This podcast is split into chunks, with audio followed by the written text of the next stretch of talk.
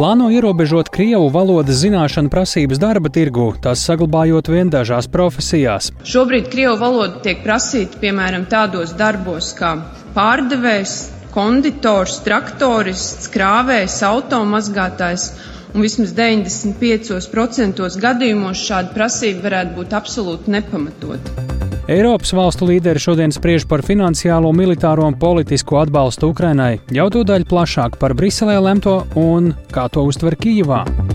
Un Latvijas vīru hokeja izlase šovakar sāk divu spēļu pārbaudas turnīru Bratislavā pret Norvēģiem un mājiniekiem Slovākiem. Kādi ir mūsējo uzdevumi?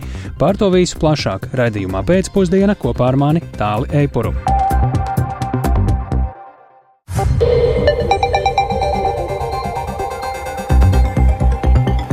Pūkstens rāda 16,5 minūtes, skan pēcpusdienas ziņu programma, skaidrojot šodien svarīgus notikumus. Studijā Tālis Eipurs. Labdien! Krievu valodas zināšanas darba tirgu varēs prasīt vien dažās profesijās vai jomās. Šāds Nacionālās apvienības ierosinājums šodien saimā guva plašu deputātu atbalstu pirmajā lasījumā. Mērķis ir novērst diskrimināciju darba tirgu Krievu valodas nezināšanas dēļ. Vēl gan būs jāspriež, vai un kuras profesijas un nodarbinātības jomas būtu ierakstāmas likumā. Par izskanējušo debatēs klausāmies Jāņa Kīņša ierakstā. Jau pašlaik likums darba devējiem liedz nepamatot prasīt svešvalodu zināšanas, tomēr formulējums darba likumā ir tik vispārīgs, ka praksē ar to nepietiek. Tā sagatavotās likuma izmaiņas par krievu valodas lomas mazināšanu darba tirgū pamato saimnes deputāts Raivis Dzintars no Nacionālās apvienības. Likuma grozījumi paredz būtiski sašaurināt likumā ietverto formulējumu, un uzskaitīt konkrētas profesiju grupas, kurās krievu valodas prasības ir pieļaujamas. Turklāt likuma grozījumi paredz, ka nepamatotas krievu valodas zināšanas nevarēs prasīt ne sludinājumos, ne darba intervijas laikā, ne darba līgumā, ne darba pienākumu veikšanas laikā, ja, protams, tas neatiecas uz kādām no šīm uzskaitītajām izņēmuma grupām. Šīm darba likuma izmaiņām saimā vismaz pašlaik ir diezgan liels atbalsts, ko apliecināja arī balsojums plenāra sēdē. Tajā skaitā atbalstoši šodien bija visu koalīcijas frakciju deputāti. Nav pieņemami, ka vairāk nekā 30 gadus pēc valsts neatkarības atjaunošanas darba tirgu aizvien nepamatoti prasa krievu valodas zināšanas, izskanēja no tribīnes. Turpina Agnēs Krasta no jaunās vienotības. Šobrīd krievu valoda tiek prasīta piemēram tādos darbos kā pārdevējs, konditors, traktorists, krāvējs, automazgātājs. Un vismaz 95% gadījumos šāda prasība varētu būt absolūti nepamatota. Situācija ir nepieņemama, jo tā vispirms jau pasliktina valsts valodas lomu. Tā ir ne tikai diskriminējoša, bet arī atrauta no ekonomiskās realitātes, īpaši pēc Krievijas brutālā iebrukuma Ukrainā. Tomēr nav vienprātības par ideju likumā uzskaitīt profesijas, kurās prasība izmantot krievu valodu būtu pamatota, piemēram, tulkiem, pasniedzējiem augstskolās, arhīvu darbiniekiem. Pret šādu ieceru iebildu progresīvo frakcijas deputāte Mairita Lūse. Mēs nedomājam, ka šo problēmu var risināt vienkārši paplašinot atļauto profesiju sarakstu. Uh, ejot šo ceļu, mēs nonāksim tādā Covid atļauto produktu saraksta virzienā. Mēģināsim ļoti sarežģītu realitāti iekļaut konkrētā sarakstā. Pret piedāvātajām darba izmaiņām balsoja stabilitātei frakcija un no tās aizgājusī deputāte Glorija Grefcova. Pretargumentos gan izskanēja arī ar situāciju darba tirgū nesaistīti apgalvojumi. Turpina Aleksis Roslikovs un Glorija Grefcova ka minimums 40% no Latvijas iedzīvotāji ir krievu runājoši, un jums to ir jārespektē. Un ja mēs runājam konkrētu par konkrētu lietu, jums nāksies to respektēt. Jums nesanāks mums kaut kāda veida visus izolēt un nosūtīt kaut kur uz mēnesi. Tā nebūs. Nekas labāk nestiprina latviešu valodu kā latviskās dzīves ziņas mācība. Un es aicinu kolēģi novērst diskrimināciju, neaizliedzot tikai Krievu valodu kā obligāto prasību, bet aizvedot jebkuru svešu valodu kā obligāto prasību. Stiprināsim latviešu valodu, stiprināsim latgaliešu valodu. Saimas deputāti darba likuma izmaiņas otrajā lasījumā turpinās skatīt pavasarī. Priekšlikumi iesniedzami līdz 29. martam. Jānis Kincis, Latvijas radio. Vērsāmies arī pie Latvijas personāla vadīšanas asociācijas valdes priekšsarātais Evas Selgas, vaicājot, kāda tad šobrīd ir situācija darba tirgu ar prasību zināt Krievu valodu. Uz šo jautājumu mēs varam paskatīties no divām pusēm. No vienas puses, protams, valsts pārvaldē mums viss ir kārtībā, tur šīs prasības nav un arī visticamāk jau, kad nevajag. Bet, ja mēs skatāmies no privātā biznesa puses, un ir sevišķi, ja biznesa ir orientēts uz pakalpojumu sniegšanu, klientu apkalpošanu, skatoties proporcionāli, cik Latvijā ir šo cilvēku, kas runā tikai krievu valodā, diemžēl tāda mums ir, tad atkal mēs nespēsim nodrošināt šo pakalpojumu. Noteikti, ka jābūt ir sludinājumam aizliegt krievu valodu, jā, nu, ja mēs gribam iet uz tādu vairāk nacionālu vidi, skatoties arī no citām, no citu svešvalodu viedokļa. Šobrīd tā situācija ir tāda, ka jā, prasības sludinājumos bieži vien ir pārāk augstas un nepamatotas, prasot gan svešvalodas, gan vēl kādas īpašas zināšanas, kas konkrētā amatā varbūt pat nav nepieciešams. Ja? Uz to, jā, darba devēja, diemžēl, grēko. Bet ierobežot vienu valodu, jā, mēs varam, protams, skatīties to politiskās situācijas kontekstā. Krievija ir agresoru valsts un tā ir šī valoda, ja? Bet atkal skatoties tīri no tādām sadzīviskām lietām un privātā biznesa skatu punkta, jā, nu, tā krieva valoda mūsu dzīvē ir un droši vien, ka kādu brīdi vēl būs. Vai te šobrīd ir diskriminācijas problēma darba tirgu, kura vienā šajā vai kādā citā veidā būtu risinām? Diskriminācijas problēma noteikti ir. Es pat esmu saskārusies ar situācijām, kur atlasot speciālistus, darba devējs saka, nu, es gribētu, kuram dzimtā valoda ir krievu, jo man vajag komunicēt ar partneriem, kur tad latviešu tautības cilvēks, kuram uh, krievu valoda ir kā iemācīta valoda, īsti netiks galā. Nu, tur mēs varam saskatīt to diskrimināciju diskrimināciju, jo krievu valodu šobrīd skolās nemāca kā svešu valodu, ja, ja māca tad ļoti reti. Un tādā veidā krievu tautības jaunieši šobrīd pat ir labākā pozīcijā, kā tie, kas krievu valodu jau kaut kādu brīdi nemācās. Ja? Viņi, nu, teiksim tā, tiek diskriminēti. Kādas sekas eh, būtu šādiem grozījumiem, ja tos pieņem saimā, kas notiktu darba tirgu? Nu, redziet, mēs jau visu to nevarēsim izkontrolēt. Jā, mēs varam ielikt darba likumā, darba likums visiem ir jāpild, un tas tā arī tas tā ir. Bet, jā, sludinājumā varbūt to neliks, bet dzīve jau noliek mūs uh, savās vietās, un tās prasības jau diktē reālā situācija. Ja kompānijai ir biznesa saistīts ar pakalpojumiem, kur ir jārunā krievu valodā, tas tāpat tiks izmantots. Jūs teicāt, ka tā diskriminācija ir diemžēl novērojama, vai šāda vai līdzīga prasība, kā tagad tiek virzīta ar laiku, tomēr varētu arī palīdzēt mazināt to diskrimināciju? Es domāju, ka varētu palīdzēt mazināt. Jā, ja, tā, ja mēs to krievu valodu tā pamazām teiksim, neizvirzam kā prasību, jā, tas, protams, kā palīdzēs arī samazināt šo diskrimināciju, jo latviešu valoda vairāk ienāks gan mūsu darba lietišķajā saziņā, gan arī tīri komunikācijā ar klientiem. Tā, Eva Selga, Latvijas personāla vadīšanas asociācijas valdes priekšsādātāja, runājot par to, ka krievu valodas zināšanas darba tirgu varēs prasīt vien dažās profesijās, pagaidām šāda, šāds ierosinājums saimā ir apstiprināts pirmajā lasījumā. Bet tieši ceļš prom no dažāda veida Krievijas ietekmes un virzību uz Eiropas Savienību ir bijis svarīgākais virziens Ukrainas politikā nu jau vairāk nekā desmit gadus. Finansiālais, militārais un politiskais atbalsts Ukrainai tieši šodien ir Eiropas Savienības valstu līderu darba kārtībā. Premjeri, prezidenti, kancleri no 27 Eiropas Savienības valstīm ir pulcējušies Briselē uz sarunām, kas var izvērsties arī vairāku dienu maratonā. Ungārijas premjeras Viktors Orbāns turpina bloķēt gan iestāšanās sarunu sākšanu ar Ukrainu, gan arī 50 miljārdu eiro piešķiršanu tai. Savukārt Vācija vēlas pārskatīt kopīgā militārā atbalsta piešķiršanas veidu. Sanāksmes norises vietā atrodas arī mūsu Brīseles korespondents Arķems Konohaus. Arķem, cik liela, tavuprāt, ir varbūtība, ka Ungārijas premjeras varētu piekāpties pārējo 26 valstu līderu viedokli? To šobrīd ir ārkārtīgi grūti prognozēt. Ir politiķi un valstu vadītāji, kas ir optimistiskāk noskaņoti, un ir tādi, kas ir pesimistiskāk noskaņoti. Šķiet, tādas vispesimistiskākā prognoze ir izskanējusi no Igaunijas premjeras Kājas Kalasas, kas ir no rīta runājusi ar Viktoru Orbānu un teikusi, jā, ka eh, viņa nesaskata, ka būs šajā samitā iespējams panākt kādu kompromisu. Tas nozīmē, ka nu, būs jātiekas, cim redzot, vēlreiz vairāki citi cilvēki ir teikuši, ka viņi tomēr darīs visu iespējamo, lai lēmums tiktu panākts un tiktu panākts lēmums gan par paplašināšanās sarunu uzsākšanu, gan arī par finansiālo un militārā atbalsta piešķiršanu Ukrainai turpmāko, un ka viņi ir gatavi arī tātad, spērt visus nepieciešamos soļus. Latvijas premjera Evika Siliņa pat pieminēja, ka varbūt vienā brīdī Eiropas valstīm vajadzētu runāt ne tik daudz par Ukrainu, bet par vienu valsti, kas visu bloķē, proti par Ungāriju un par to, ko tad darīt ar, ar šo valsti.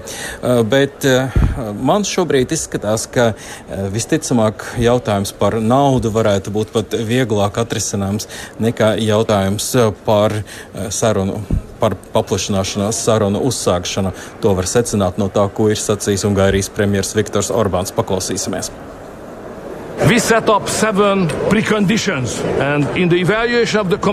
Mēs esam uzstādījuši septiņus priekšnoteikumus. Eiropas komisijas novērtējums liecina, ka trīs no septiņiem nav izpildīti. Līdz ar to šobrīd nav nekāda pamata ne par ko runāt, jo priekšnosacījumi nav izpildīti. Mums pie šī jautājuma būtu jāatgriežas vēlāk, kad Ukraiņi būs izpildījuši visus kritērijus. No šādas pozīcijas, protams, ir diezgan grūti atkāpties. Jāsaka, gan ka Eiropas komisija saka, ka tiešām šie da daļa no šiem priekšnosacījumiem, kas nebija vēl izpildīti rudenī, viņi tagad jau faktiski ir gandrīz izpildīti. Tāli. Arčam Eiropas parlamentā daudz arī visai skaļi iebilst pret iespēju kaut kā mēģināt uzpirkt Orbānu, nu, piemēram, piešķirot Ungārijai daļu no līdz šim iesaldētajiem Eiropas fondiem. Mēs zinām, ka Eiropas komisija šodien nolēma izmaksāt Budapeštai 10 miljardus eiro. To pamatojot ar prasīto reformu izpildi, bet uh, lielākā daļa summa joprojām ir iesaldēta. Ko par to īsti saka valstu līderi? Valstu līderi saka, ka tas nav mēģinājums uzpirkt Ungāriju, ka tā ir neveiksmīga sakritība laika ziņā, un tiešām šādi, viņuprāt, lietas netiek risinātas. Un tas ir arī tas, ko sacīja Latvijas premjera Eveka Siliņa no jaunās vienotības, kad viņai no rīta šeit tika uzdots šis jautājums. Paklausīsimies! Tas nav bijis politisks lēmums Eiropas padomē. Tad, tad mēs līderu vidū neesam par to lēmuši. Jā, Eiropas komisija to ir nolēmusi. Es uzskatu, ka tas ir lēmums, kas jau ir noticis, un katrā ziņā tas nav balstīts politikā, bet kritērijos. Es tieši tāpat arī sagaidu, ka arī Ungārija saprot, ka tieši šādu pašu kritēriju izpildes rezultātā arī Eiropai šobrīd ir jālemj par finansiālo atbalstu Ukrainai, politisko atbalstu un militāru atbalstu. Tur ir pilnīgi tie paši kritēriji, jo es neredzu veidu, ka mēs varētu apstāties un Ukrainu neatbalstīt, jo tas nozīmē, ka mēs koķitējam ar Krieviju. Jā, tad tas nozīmē, ka mēs koķitējam ar Krieviju. Tas ir tas, ko vairāk kārt atkārtoja Siliņa, ka tas, protams, dotu arī citi politiķi, ka tas dotu Krievijas prezidentam Vladimiram Putinam diezgan lielu tādu apmier, iemeslu būt apmierinātam. To, starp citu, sacīja arī video konferencē Valdemirs Zelenskis, Ukrainas prezidents, kurš arī uzrunāja šodien līderus. Tāli. Jā, Arķom, kas šobrīd notiek, ja valstu līderiem tomēr neizdodas atrast kopsaucēju tādā klasiskā veidā, kā līdz šim ir lēmumi pieņemti par iestāšanās sarunu sākšanu ar Ukrainu, par atbalstu Ukrainai, vai ir veids, kā to Ungārijas veto, nu, ja tā var teikt, apiet kaut kāds plāns B, kas nu, arī ir izskanējis eh, līdz šim, ka tāds par to arī tiek domāts. Jā, par to arī tiek domāts, un uh, šobrīd varbūt pārāk atklāti politiķi par to nevēlas runāt, bet ir veidi, gan, protams, iespēja Ungārijai atņemt balstiesības un tad nolemt visu pārējo jau bez Ungārijas, un arī, protams, veidi, kā apiet viņus nu, mazāk, teiksim, ar finanses piešķīrumiem, ko varētu izdarīt 26 valstis. Un um, Somijas premjerministrs uh, Peters Orpo ir sacījis, ka viņš ir gatavs runāt tik ilgi, cik būs nepieciešams, un tik dienas, cik būs nepieciešams, līdz kamēr tomēr lēmums tiks panākts. Paklausīsimies! Esmu gatavs sarunām. Esmu paņēmis līdzi daudz kreklu un būšu te tik ilgi, cik nepieciešams. Svarīgākais, ko es vēlos pateikt, ir, ka šoreiz runa ir par mūsu drošību un par mūsu turpmāko pastāvēšanu kā uzticamai savienībai. Mums ir vajadzīgi spēcīgi lēmumi un ir jāparāda mūsu vienotība.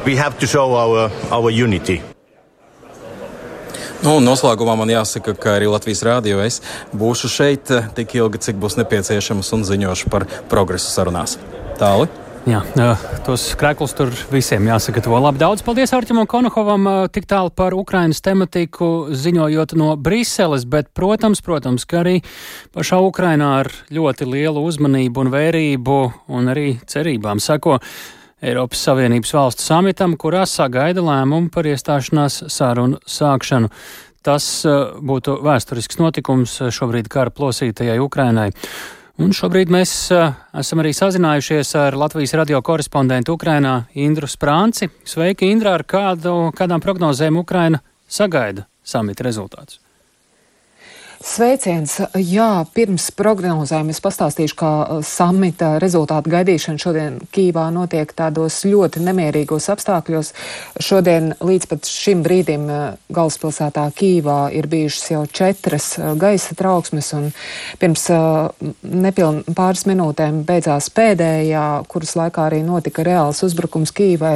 Tātad īsti pirms četriem te bija dzirdami ļoti skaļi, nu, tādi mm, sprādzieniem līdzīgi trokšņi, un šī specifiska specifiskā skaņa, kad strādā pretgaisa aizsardzība. Um, mums nav zināms, ar ko uzbrukts, bet brīdinājums bija par raķešu uzbrukumu.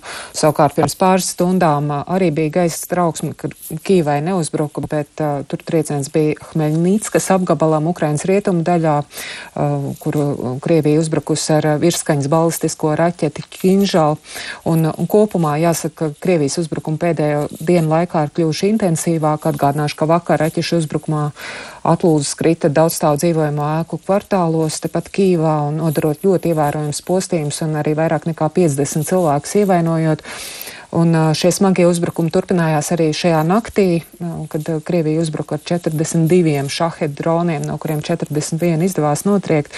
Bet smaga postījuma nodarīta Odesā, kur aplūzu kritienu rezultātā cietuši 11 cilvēki, tajā skaitā 3 bērni, 8 gadus veci puikas un 12 gadus veca meitenīte šonakt kontuzēti. Lūk, šādos apstākļos, tātad slēpjoties bumbu patvērtnēs, Ukraina šodien gaida Eiropas Savienības valstu lēmumu lēmumu.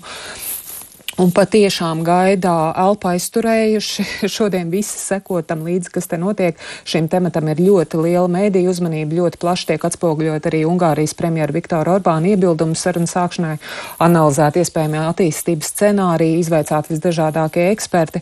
Nu, prognozes šobrīd izskan ļoti piesardzīgas, tiek liktas lielas cerības uz Ukrainas draugiem Eiropas Savienības dalību valstu vidū, kā arī uz veselā saprāta uzvaru, neļaujot vienai valstī šantažēt visu pārējo bloku. Nu, tiek sekots līdzi arī prezidenta Volodimira Zelenska aktivitātēm. Tad viņš sazvanījies gan ar Eiropadomas priekšsēdētāju Šarlu Mišelu, gan ar Itālijas premjeru un sarunu temats viens šodien un rīt notiekošais Eiropas valstu samits. Pats Zelenskis nepiedalās, tā kā tas ir Eiropas Savienības valsts iekšējais lēmums. Tāli. Jā, Indra, Ungārijas premjeras Viktors Orbāns, par kuru mēs arī ar Arķomu pirmīt uh, pietiekam daudz runājam, viņš ir minējis, ka sarunas Ukrainu nevar sākt, jo tā nav izpildījusi visas prasības. Ko par to dzird sakām pašā Ukrainā? Ukraiņu ieskatā lielos vilcienos visas prasības ir izpildītas. Vēl pavisam nesen Ukraina lielā steigā pieņēma papildus grozījumus, kas saistīti ar mazākumu tautību izglītošanās jautājumiem, bet vakar Ukrainas augstākajā radā reģistrēts likumprojekts par lobēšanu, kur mērķis ir īstenot šos te Eiropas komisijas ieteikumus. Jāpiebilst, ka šī prasība par lobismu regulēšanu Ukrainā izteikti pavisam nesen un tiešām ļoti ātros tempos jau ir sagatavots likumprojekts, kas dienu pirms Eiropas Savienības samita ir reģistrēts. Protams, likums vēl nav pieņemts, bet uh, tas, kādos tempos tas ir izstrādāts, parāda šo ļoti lielo gribu Ukraiņiem izpildīt visu, ko vien Eiropas Savienības prasa. Uh, un pēdējā gada laikā Ukraiņi patiešām neskatoties uz skaru tiešu klātbūtni, elektrības trūkumu, nemitīgiem uzbrukumiem ir veikuši milzīgas izmaiņas, lai pielāgotos Eiropas Savienības prasībām un izpildītu visas rekomendācijas. Atgādināšu, ka piešķirot kandidātu valsts statusu pērn vasarā Eiropas komisija Ukrainai kopumā izvirzīja izvirzījis septiņas rekomendācijas. Tās bija saistītas ar tiesu varas stiprināšanu, kur Ukraina ir veikusi būtiskas izmaiņas tiesneša atlases procesā, korupcijas apkarošana, tātad stiprināšana, kur arī ir notikušas ļoti būtiskas izmaiņas, un šobrīd tiesības sargu redzeslokā jau ir patiešām arī ļoti augsta līmeņa amatpersonas. Tāpat arī tiek atjauno, atjaunot prasība par valsts amatpersonām iesniegt publiskas deklarācijas. Tas arī viss notiek, notiks. Tāpat uh, Eiropas komisija rekomendēja pielāgoties pateicoties Eiropas regulējumam mediju darba regulācijā, kas ir izdarīts, un arī mazākumtautība aizsardzībā, kas Ukraiņiem iekšē bija smags jautājums, šobrīd uh, ir notikusi pielāgošana tādā mērā, vismaz Ukraiņu ieskatā, lai pamatā atbilstu tām prasībām, kas ir Eiropas Savienībā. Un, protams, šī prasība attiecībā uz lobismu regulēšanu šobrīd tiek virzīta tā, ka Ukraiņi uzskata, ka ir pelnījuši iespēju sākt iestāšanās procesu un ļoti gaida sev pozitīvo lēmumu samitā. Tā Indras Prānce. Komentējot un informējot par to, gan kāda šobrīd situācija ir Kijivā, Ukrainā ar Krievijas uzbrukumiem, gan arī kā Ukrainā šobrīd gaida Eiropas Savienības valstu samitā lemto, kur lemj gan par atbalstu Ukrainai, gan arī par iestāšanās sarunu sākšanu. Tikmēr Krievijas diktators Vladimirs Putins šodien Igadējā preses konferencē atbildot uz visdažādākajiem jautājumiem, uh, savās atbildēs atkārtot paudis apņēmību turpināt karu Ukrainā un arī cerību uz palīdzības izsīkumu Ukrainai, kā arī kārtējo reizi kritizējis rietumus. Šobrīd vēršamies pie kolēģa Riharda Plūmes, kas tad, Rihard, bija tie galvenie vēstījumi, kas izskanēja no Putina? Jā, nu tas pirmais un laikam galvenais vēstījums eh, - Krievija negrasās apstāties savā karā pret Ukrainu un ir apņēmusies to turpināt, lai sasniegtu eh, visus tos mērķus, par kuriem tika paziņots pērn februārī, sākot eh, šo te pilnmērogu iebrukumu Ukrainā. Tā tad, kā izskanēja, tā ir Ukrainas denacifikācija, demilitarizācija un neitrāls status, bet, nu, neitrāls status tas būtībā nozīmē Krievijas ietekmi un arī Krievijas ieceltu varu Kievā. Krievija nebūtu negrasās samierināties ar pašreiz iekaroto un okupēto teritoriju, bet vēlas arī Odesu, Harkivu, varbūt pat Kijivu. Tas no Putina mocis izskanēja piemēram, attiecībā uz Odesu, nu, ka tā ir tāda vēsturiska arī dzena Krievijas pilsēta, tiek kārtējo reizi piesaukt šī Krievijas vēstura un saites ar Ukrainu, kā jau tas ir bieži vien bijis Putina izteikumos. Tāpat Putins kārtējo reizi arī norādīja, ka Krievi un Ukraiņi esot viena tauta un šis karš līdzinoties pilsoņu karam, kurā karojot brāļi pret brāļiem. Eh, kā apgalvoja Putins, tad Ukrainā pašlaik esot vairāk nekā 600 tūkstoši karavīru, savukārt vēl vienu mobilizāciju pēc viņa teiktā vismaz nesot vajadzības veikt, uh, bet, nu, kā mēs zinām, arī pašā sākumā tika skaidri un gaiši pateikts, ka mobilizācija nesakos vispār nekādu, tomēr mēs zinām, kā notika realitātē. Uh, Putins arī neslēpa gandarījumu par to, ka Ukrainai šobrīd grūtības sagādā palīdzības saņemšanu no rietumiem, uz kuras rēķina Ukraina uh, izdzīvojot, un Putina ieskatā šī palīdzība kādreiz beigsies, un viņa prāt tā jau sāk beigties. Un vēl jāpiebilst, ka vēstījumi, kas no Putina mutes ir izskanējuši, vairāk uztverami kā vēstījums savai auditorijai, nevis centieni sasniegt kādas dzirdīgas savas katrā rietumu galvaspilsētā, jo kā nekā jāceras, ka nākamgad ir gaidāms Krievijas prezidenta vēlēšanas, cik nu tās var nosaukt par vēlēšanām, un savu tēlu maksimāli jāspodrina galu galā, to starp jācenšas nodrošināt kāds panākums frontē, lai būtu ko pasniegt saviem iedzīvotājiem. Tāli. Jā, Rihard, ko tad eh, mēs un rietumi varam secināt no šī Putina teiktā, kur jau tagad, eh, cik dzirdējām, bija pietiekami daudz melu, ļoti agresīva retorika, kura mm, turpina nerimt? Jā, nu, lai gan eh, varbūt tādi tieši konkrēti uzbrukumi, uzbruk, uzbrukoši retorika varbūt rietumiem nebija, bet, nu, pirmkārt, jau noteikti to varam secināt, ka Krievija nebūtu negrasās apstāties uh, Ukrainā vai piebremzēt, uh, un arī uh, to, ka ne uz kādiem kompromisiem vai sarunām Krievija neizies. Pretēji Kremļa sacītajiem Krievija nemaz nav gatava un to nevēlas. Rietumiem vajadzētu likt aiz auss, ka sarunas ar Krieviju būtu bezjēdzīgas, un to jau, kā mēs dzirdam, tad sen norāda arī Ukraina. Un otrs secinājums būtībā izriet no pirmā, proti domāju, ka rietumiem jāsaprot ir arī tas, ka Putins lieliski redz katru rietumu valstu valdības par to soli un lieliski apzinās arī to, ka tieši rietumu sašķelšana palīdzībā Ukrainai varētu būt tas veids, kā šo karu uzvarēt. Jo pagaidām Krievijai nav varbūt pietiekama spēja, tās ir zaudētas, eh, pietiekama spēja, lai sakaut Ukrainu kaujas laukā ar visu Ukrainai pieejamo savu un rietumu militāro atbalstu. Nu, tad Putins turpinās centienus dažādos veidos šķelt rietumu vienotību un tādējādi cerēs, ka šis atbalsts Ukrainai tiešām drīz iznīks vai vismaz apsīks tik lielā mērā, ka padarīs Ukrainu vāju, bet Krievija tikmēr jau būs uzkrājusi spēkus, lai frontē censtos gūt kādu pārākumu. Bet nu, tajā pašā laikā vismaz no rietuma amatpersonu puses par spīti visām grūtībām, kas ir izskan apņemšanās turpināt atbalstīt Ukrainu un arī tajā pašā laikā kāpināt militāro ražošanu, lai nodrošinātu gan savu drošību, gan, protams, turpināt atbalstīt um, Ukrainu, kas Ukrainai ir ļoti svarīgi. Tāli. Paldies Rihardam Plūmēm. Tātad uh, Krievijas diktators uh, Vladimirs Putins šodien uh, piedalījās savā igadējā plašajā preses konferencē ar visdažādākajiem jautājumiem, un rietumi seko līdz dažādām viņa izteikumu niansēm. Tikmēr Latvijā cits starpā jācīnās ar pamatīgās snikšanas sekām. No jumta krītoša ledus dēļ Rīgā šoziem ir gājis bojā arī viens cilvēks. Divi ir cietuši. Tā šodien Latvijas radio informē pašvaldības policijā. Savukārt apdrošinātāji par sniega radītiem zaudējumiem šoziem Latvijā ir saņēmuši par aptuveni 20% vairāk pieteikumu nekā šajā laikā pagājušās ziemas sākumā. Apdrošinātāju asociācijā arī norāda, ka sniegainajā laikā ir līdz pat ceturdaļai vairāk pieteikumu uh, par gūtām traumām, ja salīdzina ar laiku bez sniega. Par Skarbo ziemas sākumu Viktora Demidova reportāžā. Garas, ar smailiem galiem un kas saules staros laistās. Tādas Rīgas centrā pie vairāku namu jumtiem ir lāstekas. Piedevām daudz vietu virs ietvēm no jumtiem nokrājas blīvāka sniega masa. Lūk, ko par to saka uzrunātie cilvēki. Tagad pie ielām es vienmēr no attāluma novērtēju māju jumtus un skatos, vai tur ir bīstamas lāstekas. Protams, iet pa vecrīgi ir mazliet grūtāk šobrīd, jo ir gan sniegs, ja lūdzu dievu, lai man nekas neuzkrīt uz galvas. Pirms divām dienām bija ļoti daudz sniega priekš manis, un tas ir bīstami. Uzkrita? Jā. Uz galvas jums? Nē, nē, nē. acu priekšā. Tāpēc tas ir bīstami. Viss kārtībā. Neskatāties uz augšu. Šādi un tad paskatās un turpina savu gaitu. Man ir svarīgāks līdz par ko domāt. Tad neskatāties jau uz jumtiem. Nē, es uzticos arī tur, kur ir šīs novilktas tās brīdinošās lentes. Jā. Kā jūtaties, ejot garām? Nu, diezgan tā nevisai labi. Nu, tomēr bailes par savu dzīvību. Par nenotīrītiem jumtiem no lāstekām Rīgā likumsargi ir fiksējuši jau 289 pārkāpumus. Te jau tikpat reižu konstatēti no sniega nenotīrīti jumti.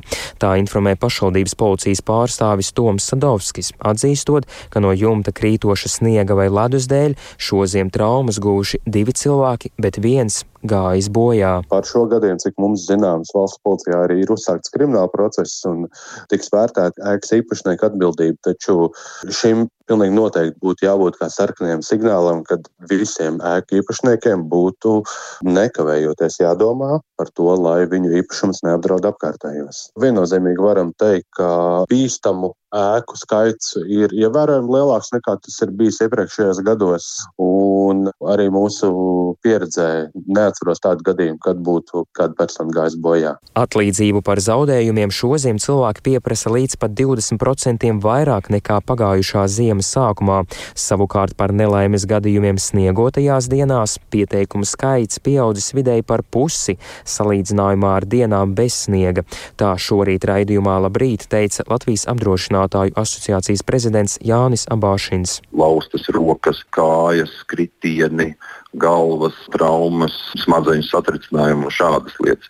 Tā tendence būtībā ir tāda, ka šajās sniegotajās dienās to pieteikumu skaits ir vidēji 10 līdz 25% pieteikumu pieaugums salīdzinot ar nesniegoto un pagājušo gadu laiku arī. Jāņem vērā, ka risku rada arī no sniega nenotīrīti transporta līdzekļi. Par to policija var piemērot sodu. Piemēram, Rīgā likumsargi ir reģistrējuši jau 31 pārkāpumu. Viktors Demidovs, Latvijas radio. Bet nu par to, kā ne tikai drošāk, bet arī kvalitatīvāk dzīvot pilsētā. Vai Rīgā ir vajadzīgs tā sauktais nakts mērs, kas pāraudzītu galvaspilsētas dzīvi nakts laikā? Šāds amats ir daudzās Eiropas pilsētās un iespējams noderētu arī Rīgā, kur, piemēram, gandrīz desmit gadus iedzīvotāji sūdzas par naktsmieru traucēšanu bāru un klubu trokšņu dēļ. Šī situācija nav līdz galam atrisināta joprojām, un Latvijā šajās dienās viesojās un arī pieredzē dalījās naktsmērs no Nīderlandes pilsētas Groningens. Par naktsmēra misiju, kas nebūtu nav tikai miera nodrošināšana pilsētā, viedokļus ir apkopojis kolēģi Ieva Puķieva. Ideja par naktsmēru Rīgai ir izskanējusi arī agrāk, tas bija pirms vairākiem gadiem. Saki, kas un kāpēc, un atkal šo jautājumu tā ir aktualizējis Rīgā. Jā, Rīgas domas paspārnē esošā investīcija un turismas aģentūra tikko organizēja sanāksmi, kā tika formulēts, lai iegūtu sabiedrības uzņēmēju un nozara ekspertu viedokļus par Rīgas dzīvi nakts laikā. Pasākums nebija publiski izziņots, un arī medijus to netika aicināti. Viesu vidū gan bija labi pazīstami bāru un naktsklubu īpašnieki, un arī nedaudz um, cilvēki, kas ir iesaistīti apkaimē biedrībās. Rīgas doma pārstāvēja izglītības, kultūras un sporta komitejas priekšsēdētāja Laima Geikina no kustības par, kas viesiem stāstīja, ka virzījusi naktsmēra ideja jau kopš 2021. gada. Ar to gan nesot sekmējies, jo aktualizējušās citas tēmas - Covid pandēmija, pēc tam karš Ukrainā, kura sekas atbalsojās arī Latvijas ekonomikā. Tagad varētu būt brīdis atkal atgriezties pie šī jautājuma, jo Rīgā nesot nakts politikas, eh, ne arī rīcības plāna. Kā tas notiek Nīderlandē, Latvijas radio stāstīja Groningenas naktsmērs Merlins Polmans, kas arī piedalījās šajā sanāksmē.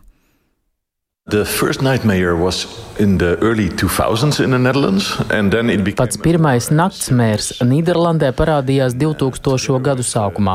Pēc tam lieta kļuva vēl nopietnāka. Kopā ar desmit citām pilsētām mums ir izveidota Nīderlandes nakts alianse, ir arī klubu komisijas un nakts uzraugi. Es esmu oficiāls nakts mērs un man ir sava nakts padome. Situācija atšķiras no pilsētas uz pilsētu, kā nu cilvēkiem labāk patīk. Mūsu gadījumā gadījumā tas patiešām labi strādā. Ir izveidots arī starptautiskas nakts mēru tīkls no Ņujorkas līdz Bogotai, Kolumbijā un līdz pat Sidnejai. Īpaši kopš Covid laikiem ir attīstījusies globālā kustība, lai parādītu nakts dzīves vērtību iepratim dienas dzīvei. Eh, Polmans sevi nosauca par tiltu starp politiķiem, starp naktsdzīves uzņēmējiem un starp sabiedrību. Eh, Groningenā, kas ir universitātes pilsēta, gan nesot problēma ar naktsdzīves radīto troksni, par ko skan sūdzības Rīgā, eh, jo naktsdzīve jau kādus simts gadus tur ir koncentrēta vienā rajonā, kur iedzīvotājiem pamatā studentiem esot skaidrs, ka viņi ir apmetušies mežonīgā ballīšu vietā. Toties esot citi izaicinājumi - novērst problēmas ar smagajām narkotikām, novērst seksuālu apdraudējumu Citviet naktsmēri arī palīdz risināt problēmas ar telpu skaņas izolāciju. Piemēram, Berlīnē to finansiāli atbalsta pašvaldība. Tāli. Jā, jau vai mūsu iedzīvotāji un uzņēmēji izskatās, ka ir vienisprātis, ka Rīgai arī būtu vajadzīgs tāds naktsmērs? Uh, jā, naktsmērs, kas atbalstītu uzņēmēju intereses, likās ļoti simpatizējošs bāru un naktsklubu saimniekiem, uh, bet ne tik ļoti kustības naktsmieru Rīgai dalībniekiem, kuri šogad ir iebilduši pret izklaižu vietu radīto troksni un pat ir panākuši izmaiņas likumdošanā, uh, lai atkal par trokšņošanu varētu sodīt juridiskas personas, kas ilgstoši nemaz nebija iespējams. Klausieties, ko par naktsmēru domā naktsmieru Rīgai vadītāja Māja Krastiņa. Lielākais jautājums ir par to, kāpēc mums vajag tieši nakts mēru, kāpēc ir tāds uzsvars uz nakti, nevis, teiksim, kultūras vai izklaižu piedāvājumu. Ja mēs tik ļoti izdalām vienu jomu, tad mēs varētu arī tikpat labi skatīties uz to, ka mums vajadzētu kaut kādu, piemēram, neizvāktā sniega mēru vai nepārējamo ielu mēru vai ja mēs tā nopietni skatāmies un ieklausāmies arī tajos pašos uzņēmējos, ja mēs šobrīd jūtam, ka uzņēmējiem iet grūti un šī uzņēmējdarbības vide arī Rīgā nav sakārtot, tad varbūt drīzāk vajadzētu cilvēku, kas darbojas ar uzņēmēju darbības atbalstīšanu.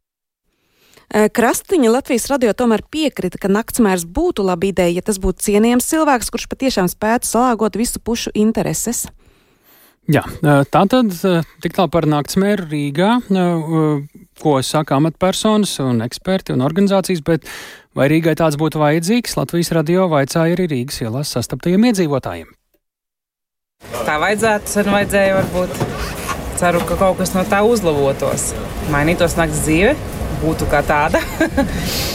nebūtu kaut kādas nekārtības droši vien. Man liekas, ka tas variants nav nopietns. Man liekas, ka mēram pašam ir jāatbild par nakts dzīvi un par dienas dzīvi. Par kārtību. Un, uh, liekas, ka naktas mērs tas ir tā tāds drusku absurds.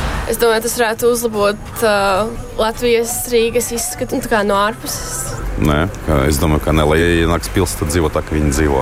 Drošībā tāda ziņa, ka, lai nedabūtu papurnu, tālāk tā ir cits jautājums. Jā, ja šeit, šeit var runāt, ka te vajag kaut ko domāt, bet, ja mēs runājam par trokšņošanu, man liekas, ne. Tas būtu ļoti aktuāli, ņemot vērā, ka tagad pieaugušo skaits ir pastiprinājies, ir daudz jaunu braucēju. Būtu svarīgi to, lai tos, tas tiek regulēts, lai cilvēki ir kā, teiksim, tā saprātīgāki uz ielām. Tā, ņemot vērā, ka ir arī mazi bērni, kas, piemēram, tur ar vecākiem uzturās vakaru stundās, tu nezinu ejot no dārziņa. Tā, tā kā, man šķiet, tas varētu būt ļoti aktuāli un ļoti svarīgi. Nu, manuprāt, to varētu pārdomāt, pieņemt, apskatīt vairāk dziļāk, paskatīties uz kādiem jautājumiem konkrētāk. Varētu. Nezinu, tas ietekmēt naktas dzīvi. Bet, nu, es īsti Rīgā neesmu dzīvot. Es neesmu Rīgas ievietnieks, bet manuprāt, Rīgā nav pilnīga drošība un to varētu noteikti pārbaudīt. Tātad šobrīd izstāsta, ka Rīgas pašvaldība ir notēmējusi uz to, ka Rīgā šāds naktsmēra amats varētu būt ar iespējams pat sabiedrības ievēlēts cilvēks. Redzēsim, kā tas attīstīsies, bet nu, pārceļamies uz citu Eiropas pilsētu, uz Bratislavu. Latvijas vīru hokeja izlase šovakar sāks pārbaudas turnīru Slovākijā, kur aizdīs divas spēles šovakar ar Norvēģiju, bet rīt pret mainiekiem Slovākiem. Un, ja salīdzina ar pārbaudas mačiem pret Franciju novembrī, šoreiz Latvijas izlasē būs daudz vairāk pieredzējušo hokeistu. Tad, nu, pirms šovakar un rītdienas spēlēm mums ir daži jautājumi. Mārtiņam Kļavniekam, mūsu kolēģiem saka, Mārtiņ, kāds tad ir mūsējo sastāvs šoreiz, cik daudz tajā ir? Eh, cik tā šoreiz ir jauno spēku pārbauda, cik daudz eh, Slovākijā varētu būt arī eh, pavasara bronzas komandas dalībnieku? Jā, sveiks tāls, sveicināt radio klausītāji. Nu, jāsaka tā, ka šeit tā attiecība šoreiz, salīdzinājumā ar tevis minētajām pārbaudas cīņām pret Franciju novembrī, ir lielāka par labu eh, tieši bronzas medaļniekiem. Viņu nav vairāk nekā to jauno, bet viņu vienkārši ir vairāk nekā bija iepriekšējā sastāvā. Bija plānoti desmit, beig beigās tomēr ir deviņi.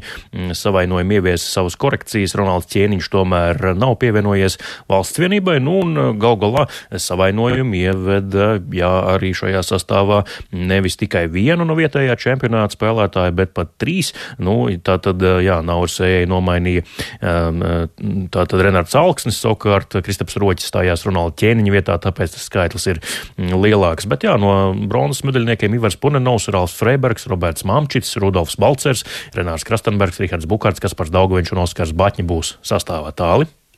Jā, Mārtiņa, kādi tad uh, būs Latvijas komandas galvenie mērķi un uzdevumi šajā turnīrā tādos nevienmēr gal, galvenais ir uzvara. Man liekas, ka jo pieredzējušāks sastāvs, jo tuvāk jūtam tā pavasara un pasaules čempionāta elpa.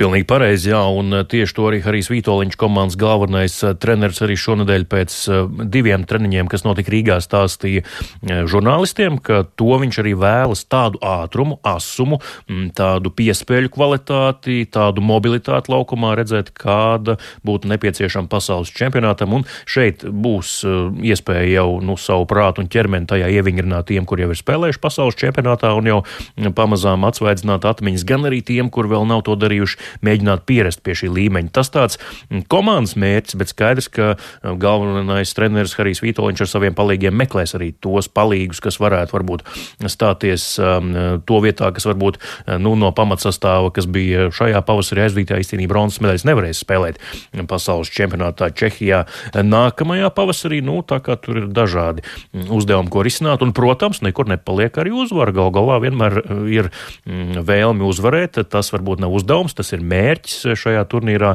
uzvarēt um, abās spēlēs, gan pret Norvēģiju šovakar, gan pret uh, Mainieti Slovākiju rītdien. Kas tad ir zināms par pretiniekiem Slovākiem un Norvēģiem? Jā, tātad šovakar Latvija-Norvēģija. Nu, pirmkārt, tas, kas uzskatām, ir zināms par Norvēģiem, pret ko latviešiem šovakar jāspēlē. Viņi vakar zaudēja Slovākiem, un ne šā kā tā zaudēja, bet ar 0 pret 9 zaudēja Slovākiem.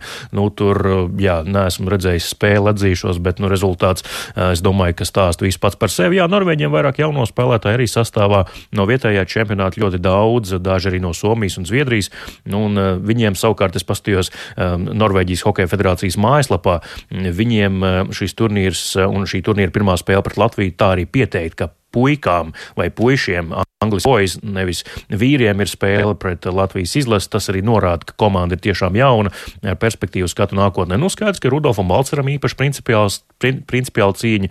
Viņš Norvēģijā tieši kļuva par profesionālu hokeistu. Nu, un savukārt Slovākiem arī vietējā čempionāta spēlētāji, bet, kā mēs redzam, tad um, sastāvs tika galā ar Norvēģiem um, ļoti pārliecinoši. Nu, cerams, ka rīt pret latviešiem klāsies grūtāk. Nu, tad, ja latvieši šovakar uzvar, tad rīt spēle pret Slovākiju jau nozīmēs, ka uz spēles būs likta uzvara visā turnīrā. Nu, Tā. vēl desmit sekundēs, kāds īsumā turpmākais kalendārs līdz pārbaudas spēlēm pirms pasaules čempionāta ir tur kādi logi?